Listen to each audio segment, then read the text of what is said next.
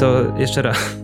Na trzy, dwa, jeden. Cześć, Cześć wszystkim. wszystkim. Jej, super, może tym razem lepiej się udało. Tak. Przychodzimy do Was, żeby y, porozmawiać sobie o nowym dealu Boom Studio z Netflixem.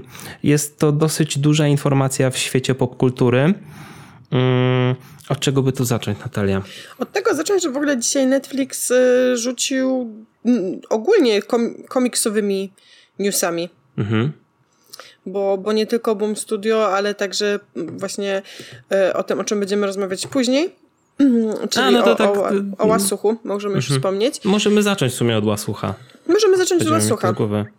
Tak, y, dzisiaj doczytaliśmy info, że y, Netflix, y, znaczy Netflix odkupił od. Y, oczywiście nie.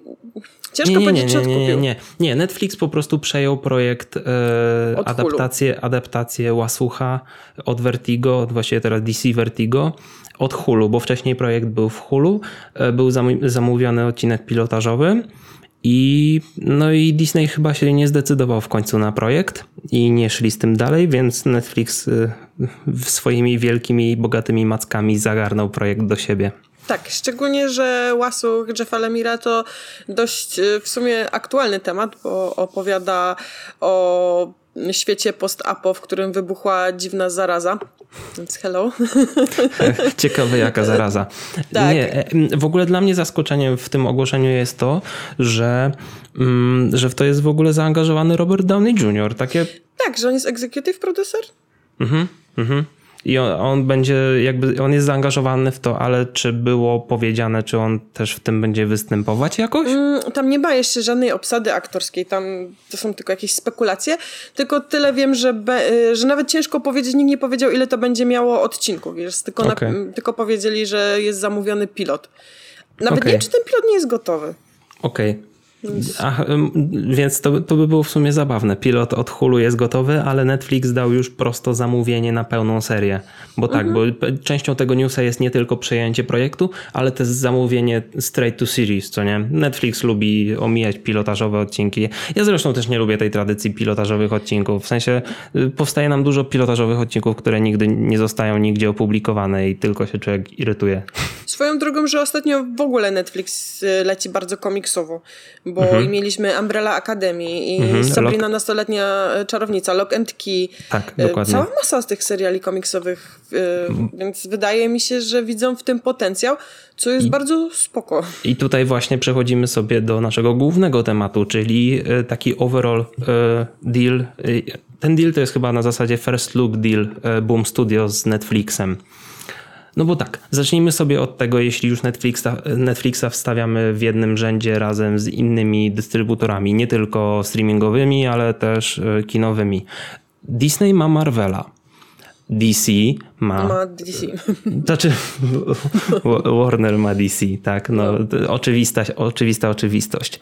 I to są na dobrą sprawę dwie firmy, które posiadają jakieś studia komiksowe. W sensie Netflix z mniejszych rzeczy posiada też prawa do twórczości Marka Millara, e, mhm. bo posiada tam Millar World, tam dużo rzeczy z tego, z tych, tych, które on stworzył, jest już też w trakcie adaptacji w Netflixie.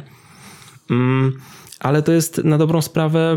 Netflix podpisując umowę z Boom Studios y, dokłada sobie całą masę, całą masę IP do wykorzystania. Tak, znaczy, ale znaczy, wiesz, wykupując też y, jakby te mhm. mniejsze komiksy, Mm, no bo to, no, nie są tak, to nie są tak duże komiksy jak y, Marvelki czy, czy komiksy y, nie, DC, no więc to są troszeczkę mniejsze serie, ale tak jakby więc idzie to mm, jak jakby to obopólna korzyść, bo i Netflix ma w końcu swoje y, komiksówki, mhm. a te komiksy no jednak dosta, wiesz, zyskują na popularności. Netflix potrzebuje własnych marek, ponieważ no, Netflix ma budżety, Netflix ma świetne zasoby dystrybucyjne, co y, udowodnił chociażby ostatnio Tiger King, który jest oglądany, jest hitem Netflixa na całym świecie. Takim Powiem właściwie ci... z zaskoczenia. Nikt, nikt się tego nie spodziewał. Znaczy sami jak wczoraj, bo wczoraj kończyłam oglądać Tiger Kinga, no tak jeszcze dodam, y, mhm. to tam jest y, dodatkowy odcinek na samym końcu, który nagrali podczas pandemii i rozmawiają z bohaterami tego, tego dokumentu mhm. i sami bohaterowie są strasznie zaskoczeni.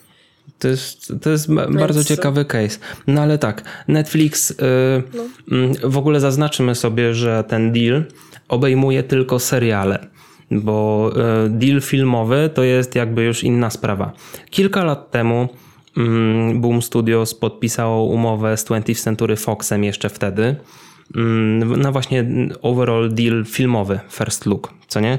W ramach tego tam mhm. jest in development sporo projektów. W sierpniu e, tego roku będzie mieć, znaczy jeśli będzie mieć premierę, jest zaplanowany w tej chwili film, e, jak on się nazywa?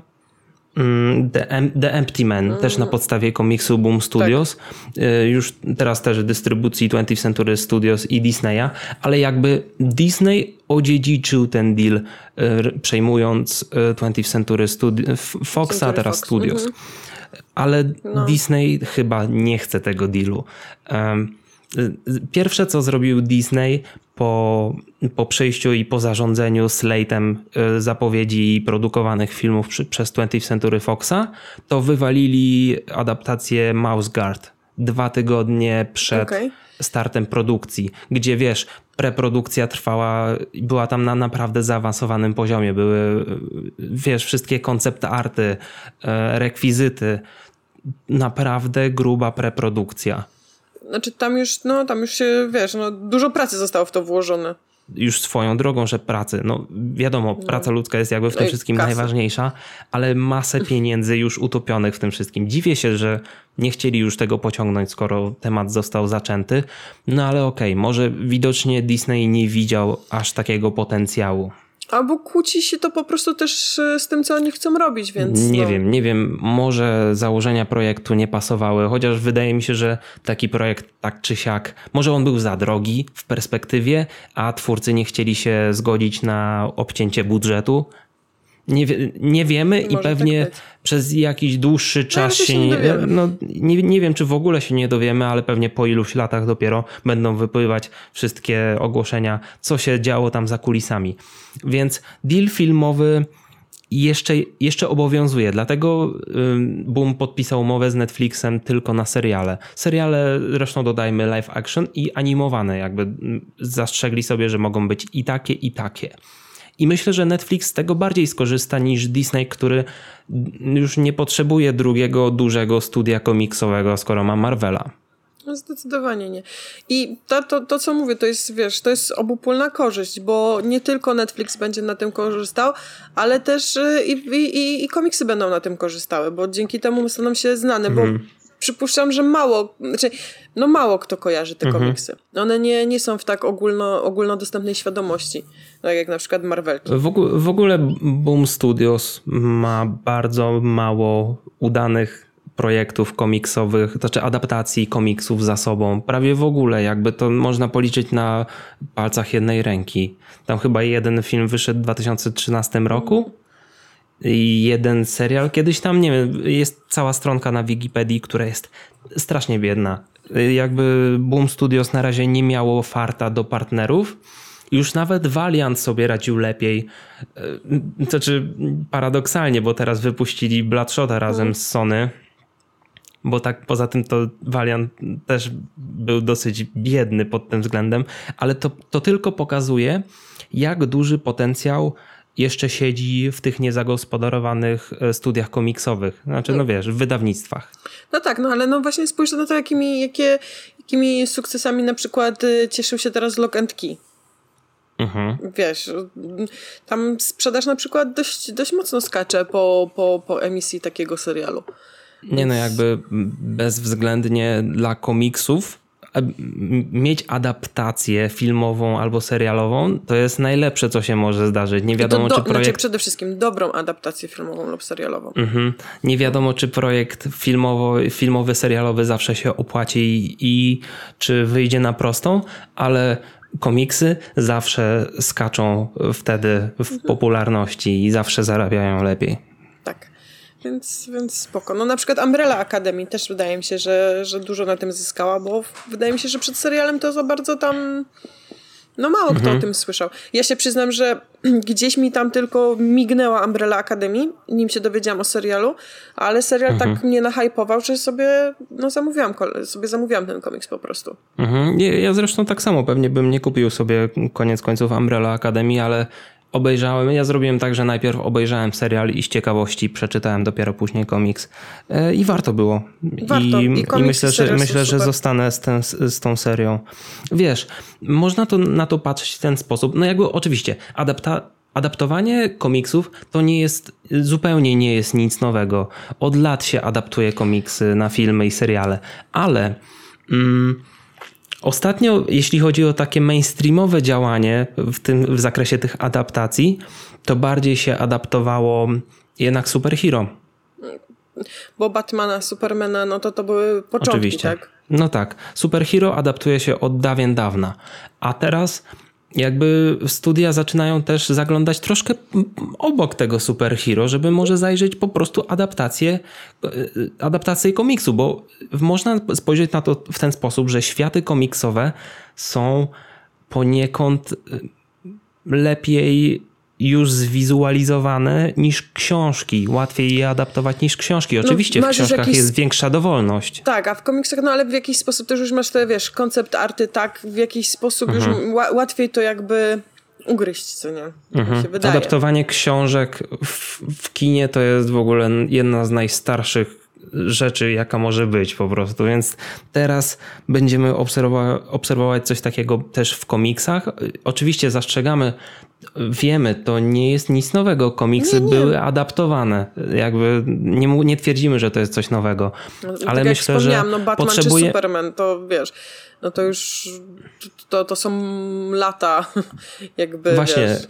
jeśli jakby może i były inne adaptacje, ale nie były tak głośne i tak mm, medialne, a za pomocą Netflixa e, chyba najbardziej Netflixa, teraz streamingu, bo myślę, że w kinach nie wszystkie projekty mają szansę aż tak wypalić, ale myślę, że Netflix ma dużą szansę spopularyzować niektóre serie komiksowe, więc myślę, że tak, tak jak ty mówiłaś zresztą, to jest win-win. Tak, tak.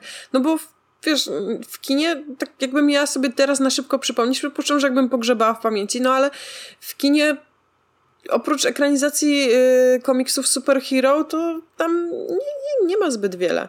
To, to znaczy coś tam Warner, znaczy nie, w ogóle nie ma zbyt wiele. No Warner coś tam czerpał. W tamtym roku były Królowe Zbrodni, Vertigo. A to też nie była, nie była żadna rewelacja. A wcześniej? Głównie do, no. Kino głównie dominują ekranizacje komiksów superhero. Mhm. Mhm. Dominują, więc to prawda. Ta nowa, więc ta nowa moda na, na ekranizację innych, innych komiksów, nie tylko fantazy, jak dla mnie super. Mhm. No dobrze to dziękujemy Wam za wysłuchanie naszego tematu. E, pamiętajcie, że teraz jesteśmy w nowym cyklu e, premier, więc e, robimy odcinki bardziej tematyczne, więc w dzisiejszym odcinku mówimy sobie tylko o tych adaptacjach komiksów. Wracamy do Was jeszcze w tym tygodniu, więc obserwujcie nasz kanał. Możecie nas posłuchać także na Spotify i na Apple Podcast i, i słyszymy się w kolejnym odcinku. I teraz już widzimy się. Do zobaczenia. Hej. Do zobaczenia. Hej.